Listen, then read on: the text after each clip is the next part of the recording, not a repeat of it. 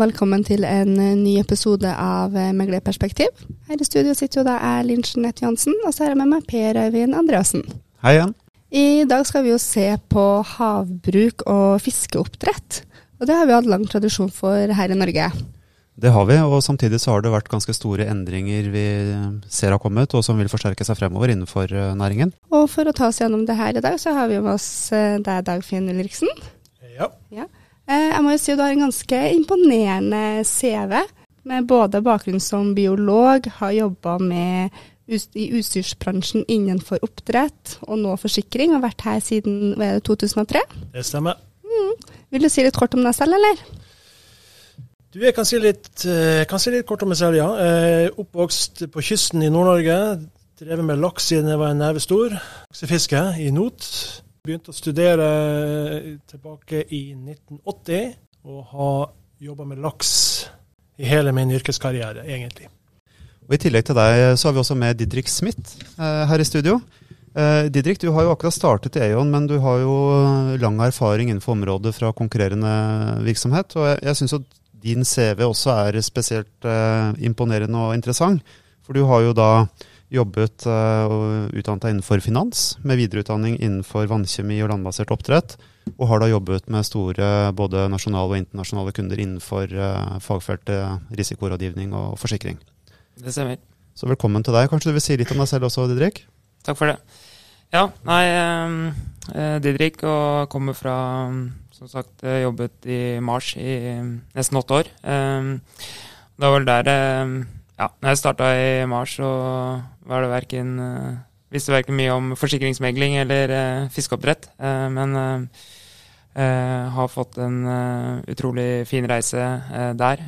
hatt en god mentor i en tidligere kollega. Ja, vært som sagt rundt, rundt, i verden og hjulpet kunder med, med forsikring og rådgivning innenfor den biten. Og har egentlig fått en genuin uh, interesse, uh, også privat egentlig, uh, for bransjen. Og syns det er spennende å følge med og videreutdanne meg for å bli enda bedre på det jeg driver med. da. Høres veldig bra ut, Didrik. Og du har allerede tilført stor verdi til et allerede høykompetent team her i Eion, så det, det, høres veldig bra ut. Ja, vi er veldig glad for å ha Didrik med på laget. Ja. Så velkommen til dere to. takk for det. Takk, takk. Vi har jo hatt en lang tradisjon for uh, fiskeoppdrett og havbruk, som jeg nevnte innledningsvis. Uh, har dere lyst til å ta oss litt kort igjennom uh, historien her? Det kan jeg. Jeg kan starte. Havbruk i Norge har jo så du sier, en lang tradisjon. Internasjonalt så har vi en veldig lang tradisjon. Vi går jo faktisk over 1000 år tilbake i tid. Mens i Norge så starta man med oppdrett av laks 60-tall og 70-tall. Og frem til i dag så har det jo skjedd en, en rivende utvikling. I dag er det jo en industri, storindustri. Vi har børsnoterte selskap. Tilbake på 70-tallet så var det i hovedsak familieeide bedrifter som starta opp med to-tre merder med fisk i. Og det, ja, vi kan jo bare si Og teknologien òg. Eh, det var jo starta i små innsjøer i, i Norge med, med tremerder og de sperret av eh, små, eh, små fjorder eh, og hadde fiske der, til det vi ser i dag med svære plastmerder i sjø og voldsomme volumer. Ja, helt riktig. Det, mitt første besøk på et oppdrettsanlegg det var i 1976. Og da var det så vidt en sånn merd kunne holde én person flytende, og det var, var, en helt annen verden enn det i dag. Mm, interessant reise. Men vi ser også at det har vært en stor endring de siste årene fra havbasert landmerder til landbasert. Har, eh, hvorfor har den endringen kommet? Mm, nei, altså jeg tror det er, eh, det er flere, flere faktorer som, eh, som, spiller inn her. Og jeg tror vi kan dele litt opp i, i både Norge og, og utlandet. Det er klart det er utfordrende å få, få vekst i Norge. Eh, det, er ikke så mye, det gis ikke mye konsesjoner, og det er dyrt å, å komme inn eh, på sjø. Så eh, jeg tror nye, nye, investorer og folk som vil inn i bransjen, som ser at det er lønnsomt, må se til land for å få, få konsesjoner og kunne utvikle. Um, og så er det jo utlandet hvor man ser uh, fordelen av å kunne produsere ting på land i, uh, i nære markeder. Da. Uh, fordi det er klart Norge er jo et like, lite marked for fisk, og vi eksporterer jo det meste av det vi produserer. Så, så, kostnadene til å frakte fisk er jo dyre, og jeg tror da at uh, investorer og, og, nye aktører ser på muligheten til å uh, produsere nærme markeder. I tillegg så skal man ikke stikke under en stol at det har vært visse produksjonsutfordringer i Norge. Spesielt med tanke på lakselus og den type ting. Og uh, en av de tingene man tror landbasert oppdrett kan bøte på, er jo nettopp den type produksjonsutfordringer. Men eh, man drar jo på seg en del andre potensielle utfordringer, også med landbasert. som eh, eksempel hva da? Som eksempelvis eh, mye mer teknologi som skal inn. Mye mer det vi kaller på, eh, på si fagspråket vårt leamikk, som skal fungere. Eh, og der vet man ikke helt ennå hvordan dette vil fungere optimalt. Det er mye, mye som skal spille sammen for at dette skal funke. Hva er det som kan gå galt, og som typisk eh, dere har sett at uh, har gått galt i sånne typer prosjekter? Det er, det er, faktisk veldig mange ting. Det vi har sett så langt, er jo at det ikke bare er én ting som gjør at det går gærent, men det er en serie av ting som gjør at uh, ting faller sammen. Uh, eksempelvis med den teknologien som i dag, så er man avhengig av f.eks. en kompressor Eh, og når den eh, hovedkompressoren eh, feiler, og man skal starte backup-kompressoren, så må man ha en PIN-kode for å starte den. Og da er det ingen som vet PIN-koden. Og hvor får man tak i den PIN-koden på veldig kort varsel? Det kan være en sånn utfordring, blant annet. Ja, og så Jeg tror det er litt Hvis vi går litt tilbake, så tror jeg det er viktig å Altså, produksjon av fisk på land er jo ikke noe nytt. Eh, så all, eh, all smolt og, og ja, liten fisk produseres jo på land i dag, før den settes ut i sjø. Ehm, så det som, eh, som blir, er utfordringen eh, nå, er jo at man skal skalere opp, og voldsomt skalere opp.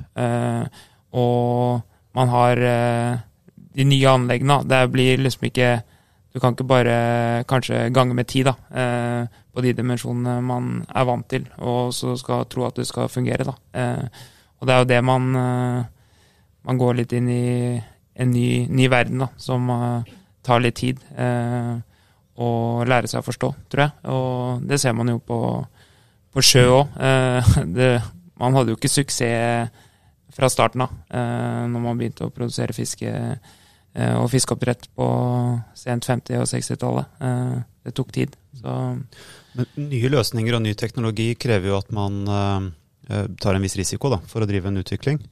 Og, og, hvordan reagerer egentlig markedet, hvis du tenker på forsikringsselskaper, givere, for å ta ned den risikoen? Er, er det noe som kan være krevende å, å, få løst?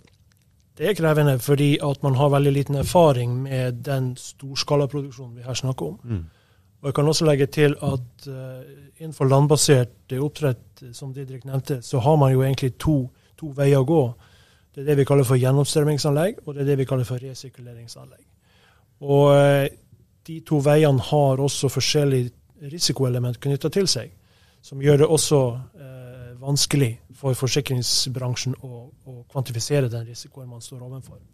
Eh, og her er, her er, veldig mye lærdom som skal på plass før, før eh, man har god kontroll på denne type produksjon. Og Derfor er markedet, forsikringsmarkedet veldig volatilt akkurat nå. Eh, vi har marked som ikke vil inn på det her, fordi de mener det er forskning og utvikling så langt. Og så har vi en del marked som ønsker å være med på det her, fordi de ser at det her er fremtiden. Eller iallfall en del av fremtiden. Og ønsker å være en samarbeidspartner på den biten der også. Men med en så ny teknologi, og mange mener at det, allerede, at det er under utvikling, er det da en fordel hvis at de nye aktørene tar kontakt med liksom dere i tidlig startfase, eller ønsker dere å komme inn når merdene er på plass og produksjonen omtrent er i gang. Det er helt klart en stor fordel hvis man kommer inn tidlig i et prosjekt. Gjerne på, på et designstadium der man kan eh, eventuelt foreslå eh, løsninger som vi vet at andre har prøvd og feila på. Og, og, fra forsikringsselskapenes side så er det også en fordel å være informert ganske tidlig. Hva skjer, hvilken type teknologi, hva gjør man? Mange sånne ting. Det er helt klart viktig å, å spille på lag og, og, og, bruke Eller la også forsikringsmarkedet komme tidlig inn, da. Eh, og gjøre sånn at de, de får tiltro til eh, prosjektet og teknologien og menneskene som, eh, som skal drive, drive dette. Eh, og det er kjempeviktig for å, for å få, med, få, med, markeder. Så, så, vi ser helt klart fordelen av å, å komme tidlig inn. Og det, det, gjelder jo Det er jo ikke bare Nå snakker vi jo mye om biomassen og forsikring kanskje av den, da. Men det er jo mange andre forsikringer som er viktige i tidlig stadie. det er jo store investeringer.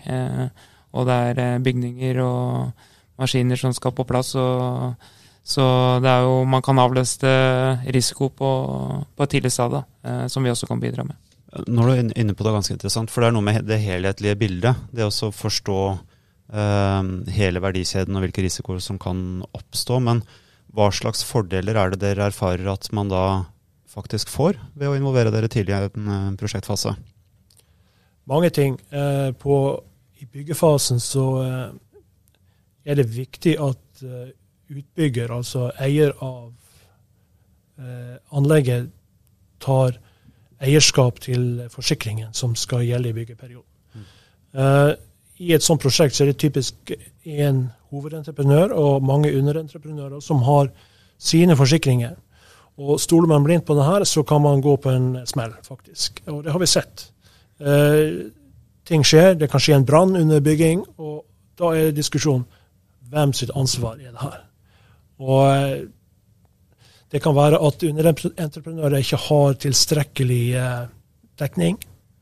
Så det er viktig at, at eh, det tas et eierskap til prosjektet tidlig, i en tidlig fase.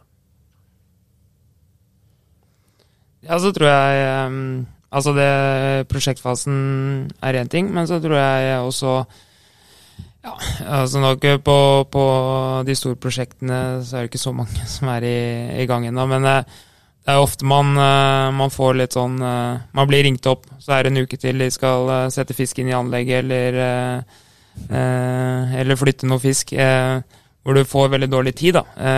Og, og du må snu deg rundt. Men for å få til gode løsninger og, og gode betingelser, og kanskje bedre, bedre, premier, så har man tid å jobbe med markedet og skape trygghet. Eh, er eh, en fordel for alle, alle parter. Mm. Men det krever jo en del kunnskap, så. Både om uh, tidligere hendelser, erfaring, uh, kjennskap, sånn som dere sitter på, både med uh, fiskens anatomi, nærmest, ikke sant, vannkjemi, alt dette tekniske i tillegg til forsikring og markedsforståelse. Um, har dere noe erfaring med eh, bakgrunnen deres som er eh, interessant og kanskje litt unik? Eh, at den har gitt noen ekstra fordeler og verdi for eh, de dere er i kontakt med? Det har vi eksempel på. Eh, når vi diskuterer med, med disse anleggene og i tidlig i prospektet, så eh, ser vi det at når kunden opplever at vi faktisk kan litt om det her, så er det lettere å komme inn i en god diskusjon. Eh, og ha en, det som du eh, nevnte her, eh, total oversikt. Mm. Og kunne se prosjektet med et bird eyes view, rett og slett. Og se ovenfra og ned, og kunne sy sammen løsninger som er riktige for akkurat det prosjektet. Mm. Så, så, vil jeg også nevne at det med forsikring er kanskje ikke det man har størst fokus på. Men det er utrolig viktig for å rett og slett få finansiering for disse store prosjektene. Mm. Uten forsikring så er det absolutt ingen banker som vil gå inn her og finansiere. Det er krav om forsikring. Så uh, Derfor er det veldig viktig å komme inn tidlig og sy sammen en god pakke. Ja. Nei, det er viktig å, å kunne ja, se det litt fra et forsikrings, uh, forsikringsperspektiv og ha den dialogen med, med kundene. Fordi ofte så har de sitt syn, og fokuset er på, på å hente penger og få inn det. Så er det jo, ja, som Dagfinn sier, for å få finansiering, så tror jeg det er også viktig å, å vise at man har, har, tenkt på det. da Eh, og risikoen. Eh, så å være en samarbeidspartner tidlig eh, kan være en fordel også i, i fasen med å, å, hente kapital. Høres bra ut. Det er jo viktige områder for en virksomhet. Både ta ned risiko og sikre seg finansiering. Dere er jo også aktive på ulike arenaer der uh, bransjen møtes. Uh, ulike eventer, uh, samlinger, messer osv. Bl.a. Uh, North Atlantic Seafood Forum i år. Og hva er det som gjør at dere er til stede på de områdene, og, og hva er det dere setter særlig fokus på der? Vi ønsker jo å, å, være en prioritert samarbeidspartner til disse prosjektene, disse kundene, og være en bidragsyter på å redusere risiko. Eh, I forbindelse med North Atlantic Seafood Forum så har vi eh, satt opp en seanse der vi prøver å belyse risiko og hva gjør man for å redusere risiko innenfor landbasert oppdrett. Der har vi invitert eh, en oppdretter som er i full gang og produserer laks på land. Vi har invitert bank, finans. Vi har invitert forsikring. Og vi har invitert eh, en leverandør av teknologi.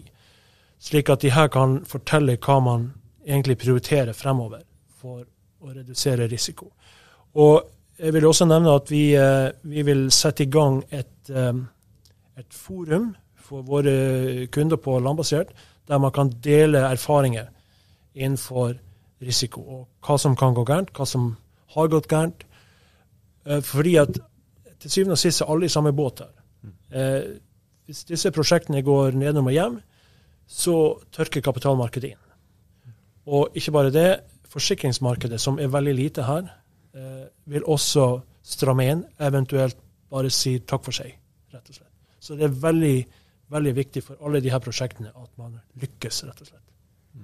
Hvis man har lyst til å bli medlem av det her forumet, hvor, hvor, hvordan går man fram da? Det er rett og slett de som er kunder av eierne, som vil være med i det forumet her. Greit. Enkelt og greit. Det høres, uh, høres, bra ut. Det blir spennende å se. Uh, og ikke minst den rollen dere har vært inne på, at det er så viktig, nettopp den totalforståelsen. Det å se uh, virksomheten, de utfordringene de står overfor, og også koble det mot risiko og kapital.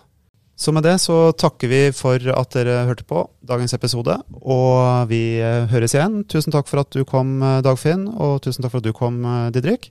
Tusen takk for at vi kom her. Selv takk. Veldig spennende å høre på. Da sier vi takk for nå. Vi høres igjen senere. Ha det!